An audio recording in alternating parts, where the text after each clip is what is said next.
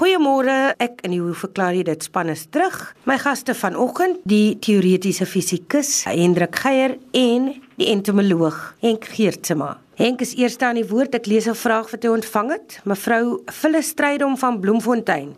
Sy het 'n foto aangestuur en sy sê die insek is by Springbok afgeneem en sy het nog nooit so 'n gedierte gesien nie. Natuurlik gaan Henk nou vir jou presies verduidelik hoe dit lyk. Sy wil weet of die span dit kan identifiseer. Nou jy's die kenner oor na jou. Phyllis Strydom sê uh toe sy die foto aangestuur het, het sy eers aangedui hierdie is miskien 'n soort naaldekokker wat sy nog nooit in die in daai gedeelte van die wêreld gesien het nie by Springbok nie. Gelukkig, die foto wat sy gestuur het was baie duidelik. Ek moet net sê die brief was gedateer November 2019 en dit gee my ook 'n uh, goeie aanduiding van wat sy gesien het.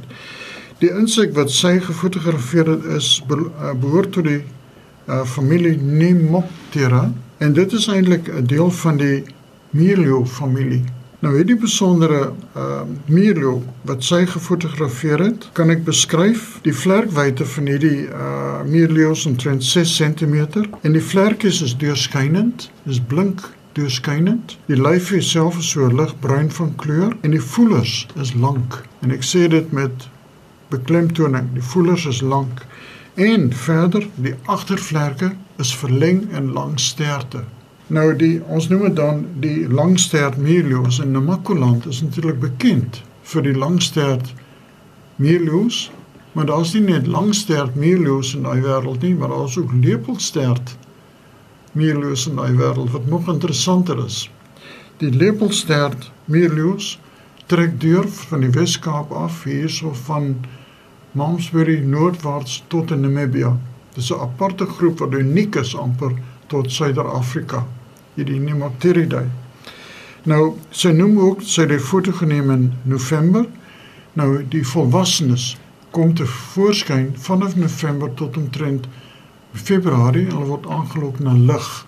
As ek byvoorbeeld motte vang in die nag, is dit algemeen om ook mirlios op die laken te vind. Sy het gewonder in haar uh, skrywe of dit nie 'n naaldekokker was nie. Kom ons kyk 'n bietjie. Hoekom het sy gedink is 'n naaldekokker? Nou die naaldekokkers die die struktuur van die vlerk is ook deurskynend en ook 'n fyn gas netwerk.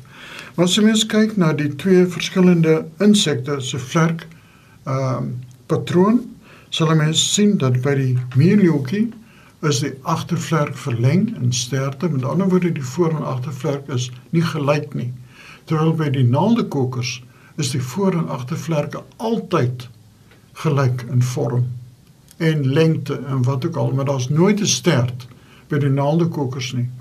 Ons kom ons gaan 'n bietjie verder terug. Insekte word ingedeel in die sogenaamde vlerklose insekte. Die term is die A Trigota. A beteken 'n teenstelling. Teri beteken vlerk, gota beteken om te dra. So die wat nie vlerke dra nie, is die Atrigota. Dis nou soos die vismotte. Dan kry jy mens die sogenaamde Exoterigota. Nou exo beteken buite, vlerke dra. So die insekte wat vlerke aan die buitekant dra, is Exoterigota.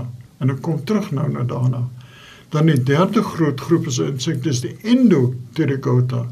Dis die insekte wat die vlerke inwendig dra. Nou sal 'n mens vra, maar hoe hoe kan die insek vlerke inwendig dra en ander insekte dra die vlerke uitwendig? Dit verwys eintlik na hulle metamorfose of lewensloop. As 'n vismotjie die eiers lê En natuurlik wat vir my die interessantste was en vir studente beduie was die paringsgedrag van vismotte. Maar ek kan later daarop terugkom as 'n luisteraar daaraan belangstel, want dit gaan amper soos die paringsgedrag van die bidspringkaan wat ook goeie reaksie uitgelok het. 'n Vismondjie wat uit die eiertjie uitbroei, lyk net soos sy ma of pa, maar hy word net groter met verloop van tyd. Hulle gaan deur 'n reeks vervellings. Want dit is die hele idee van 'n lewensloop van 'n insek vanaf die eier tot weer terug by die eier loop ons op verskillende maniere by insekte. So by vismotte is dit net 'n saak van die babatjie groei, word net groter, maar hy hou dieselfde vorm as sy ma of pa gehad het.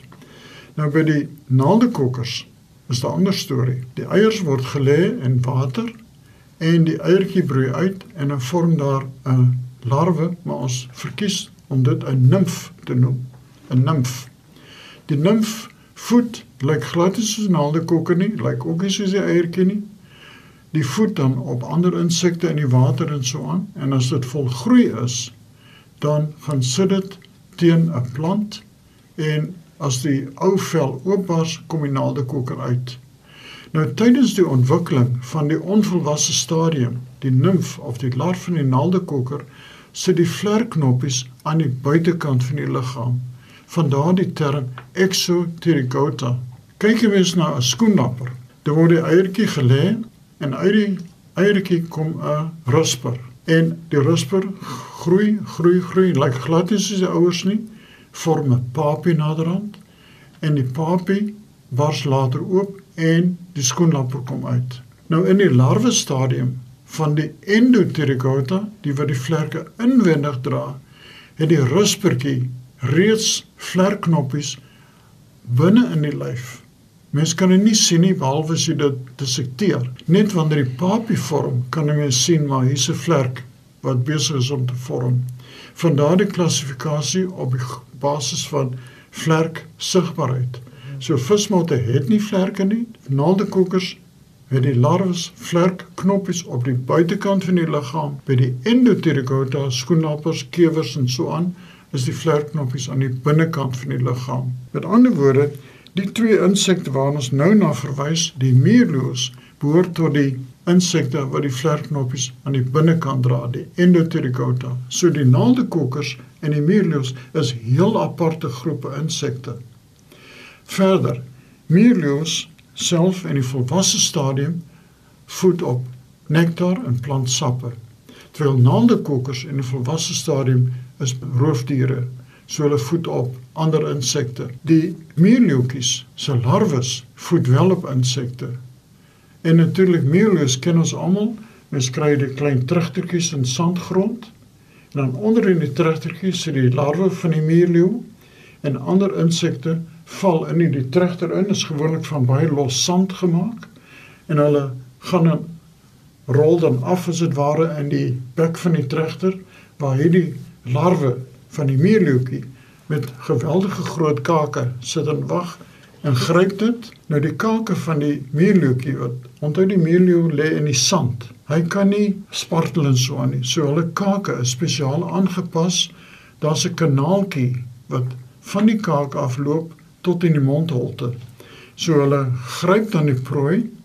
Die tande dring deur die integement of die vel van die prooi en die sous of die sap of die bloed van die prooi loop dan deur die kanaaltjie direk in die maag van die larwe van die meerleeuetjie. Met ander woorde, ook interessante ding is gewoonlik as 'n mens eet dan uh, wat bo ingaan met uiteindelik onder uitkom. By die meerleeu's is dit 'n heel ander geval. Hulle vervel 3 keer in hulle lewensloop, maar hulle defekeer nooit nie behalwe met die laaste vervelling wanneer hulle nou 'n papie word. En dis hoekom as 'n mens mooi na hulle kyk, sê jy sien daar's 'n baie groot glimlag op hulle gesig, want dit was 'n verligting na drie vervellings.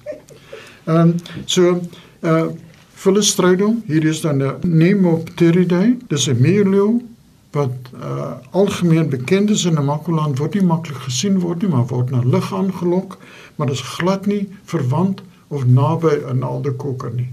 So baie dankie vir 'n interessante foto en die stof tot nadenke. My naam is Heidi Miller. Volgende aan die beurt is Hendrik Geier en hy beantwoord 'n vraag van Koen Raad. Wat laat die aarde draai?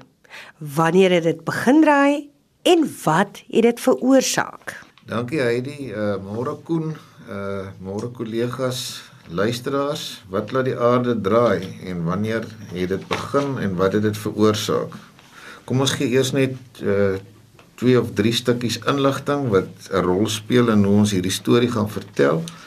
Uh ek verwys daarna dat ons weet nou dat die ouderdom van die aarde omtrent 4,5 duisend miljoen jaar is, 4,5 maal 10 tot die mag 9 en die van die son 4,6 maal 10 tot die mag 9. Dit wil sê die son is omtrent so 100 miljoen jaar ouer as die aarde. Uh, en verder is die massa van die son omtrent 99,8% van die massa van ons sonnestelsel. Goed, so met dit nou in gedagte, is die vraag waar kom die sonnestelsel vandaan want dit is uiteindelik die sleutel tot die antwoord uh, as ons wil weet hoekom die aarde in die eerste plek draai. Nou sonnestelsels vorm tipies uit 'n oergas en stofnevel baie eil versprei wat in die vroeë geskiedenis van die heelal uh die algemene toedrag van sake was voordat dinge so sterre en planete begin vorm het. Op een of ander manier en hier is daar nog 'n bietjie onduidelikheid oor het daar in ons deeltjie van die heelal uh iets plaasgevind wat stof en gas nevel of 'n gedeelte daarvan ten minste dermate beïnvloed het dat dit in 'n redelike kort tyd gekompakteer het of 'n mens kon sê dit het in 'n redelike kort tyd ineengestort. Uh, en een van die vermoedens is dat dit die resultaat was van 'n skokgolf van 'n sogenaamde supernova. 'n Supernova is 'n ster wat eers alreeds gevorm en deur sy lewensiklus gegaan het tot by die punt dat daardie uh, onsagwekkende ontploffing plaasgevind het wat skokgolwe deur die heelal stuur en dit kan wees dat so 'n ster naby genoeg was dat daardie skokgolf genoeg was om hierdie verdigting van die gasnevel waaruit ons sonnestelsel ontstaan het te bewerkstellig. So daar's 'n bietjie onsekerheid oor presies hoekom 'n gedeelte van hierdie nevel tot 'n groter mate en oor 'n relatief kort tyd uh verdig het of gekompakteer is. Maar as jy eers ergens in hierdie wolk 'n digter deel het, dan neem gravitasie oor. Mens kan eintlik sê dan neem gravitasie hand oor hand oor en is dit redelik voorspelbaar wat gaan gebeur want die digter deel trek die ander dele van die nevel aan. Uh die is in elk geval nie presies homogeen nie soos wat hierdie materie in die nevel aangetrek word na die digter deel is daar reeds 'n draaimomentum met die hele stelsel geassosieer. En soos ons nou uit die weet bekende aardse voorbeelde weet, soos byvoorbeeld wanneer 'n yskaatser op haar toon op die ys in die ronde tol, as sy haar arms uitstrek, dan tol sy stadiger, as sy haar arms intrek, dan tol sy al hoe vinniger. Nou presies dieselfde storie gebeur hier. Na mate hierdie wolk inkrimp, roteer dit al hoe vinniger om die draaimomentum te behou. En jy kan maar 'n eksperiment gaan doen met 'n bakkie jelly wat jy kan dophou as hy nog nie heeltemal gestol is nie en jy sit hom aan die, in die aan die draai dan gaan jy sien daai hele bakkie jelly plat so effentjies af. So daar is die eerste aanduidings van 'n skuif wat vorm. So dis die proses wat nou meebring dat hierdie gasnevel wat besig is om ineen te stort onder die aantrekking van een of ander punt waar daar verdigting plaasgevind het en wat besig is om te tol dat die uiteindelike toedrag van sake is in in relatief vinnig roterende plat gasnevel. En by die sentrum versamel die meeste materie en dis dan uiteindelik waar die son vandaan kom. So die son het soos ons gesê het omtrent al 100 miljoen jaar voor die res van die sonnestelsel uh, mens kon sê uitgekristalliseer en die res van wat oorgebly het van hierdie gasnevel het uiteindelik ook nog onder gravitasie uh verder ineengestort om die verskillende planete te vorm en in relatief rotsagtige gedeeltes saamgekoek het wat relatief naby aan die aan die son kon bly voortbestaan terwyl die wat hoofsaaklik uit uit gas en en ys bestaan die verder weg planete het uh, of daardie soort planete het verder weg van die son af ontstaan. So weet die naaste planete aan die son sluit in Mars, uh, die aarde en Venus wat wat almal rotsagtige planete is en verder weg die reuse soos Jupiter en Saturnus is gasagtige planete.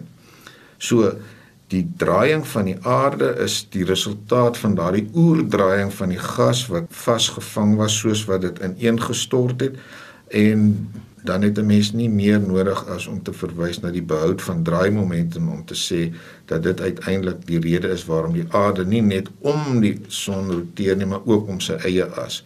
En dit is insiggewend dat uh, die meeste planete in in hierdie oorspronklike oervlak beweeg die variasie in die afwyking van 'n plat vlak is maar enkele grade en die rotasie rigting van al die planete is ook vir alle praktiese doeleindes dieselfde. Uh, daar is die uitsondering van een van die verweg planete waar die vermoede is dat een of ander katastrofiese kosmiese botsing veroorsaak het dat Neptunus uiteindelik op sy sy gedraai het en as dit ware uh, op sy sy om die son roteer uh anders as al die ander planete maar maar vir die res uh is die draaiing uitsluitlik toe te skryf aan die draaimomentum wat van die vroeë oorsprong van die sonnestelsel oorgebly het. So Koen, uh, ons kan nie vir jou dag en datum gee van wanneer die aarde begin draai het nie. Hy het natuurlik mettertyd gevorm. Dit was nie 'n een eensklaps proses gewees nie. Uh maar ons verstaan baie goed hoekom hy draai en tot watter mate dit in 'n algemene verskynsel nie net in ons sonnestelsel is nie, maar eintlik in in alle sonnestelsels wat gevorm het. Hendrik, wat is die rol van magnetisme met die kompaktering in hierdie stelsel?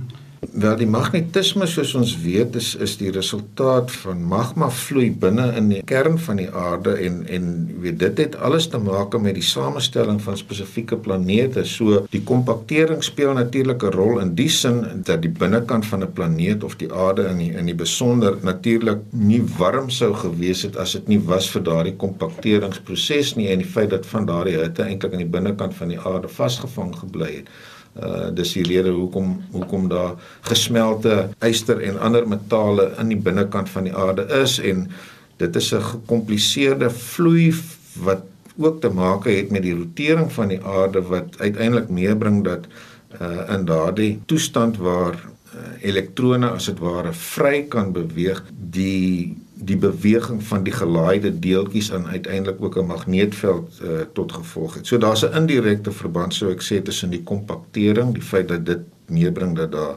'n uh, uh, hoë temperature aan die in die binnekant van die aarde is wat op sy beurt sorg dat daardie metale wat daar is in 'n gesmelte toestand is, wat dan op sy beurt weer sorg dat daar elektriese deeltjies is wat onder die draaiing kan vloei wat dan op sy beurt weer die magnetiese veld beïnvloed en soos 'n mens jou kan aflei uit hierdie storie uit uh sit die aarde se magneetveld nie daar vir tyd en ewigheid op presies dieselfde manier nie. Om die waarheid te sê daar sprake daarvan dat die noordpool op die oomblik teen 'n vinniger tempo rondloop as 'n mens dit so kan stel as wat dit in die onlangse verlede gebeur het. En daar is uit die historiese uh geologiese rekord natuurlik baie goeie aanduiding dat die aarde se se magnetiese as al uh, in die verlede uh, omgekeer het. So dit het al meer as een keer so gebeur. Niemand kan voorspel of dit weer gaan gebeur en indien wel wanneer nie, maar uh, dat dit wel aan die, in die verlede in die aarde se geskiedenis gebeur het, is goed in die geologiese rekord vasgevang.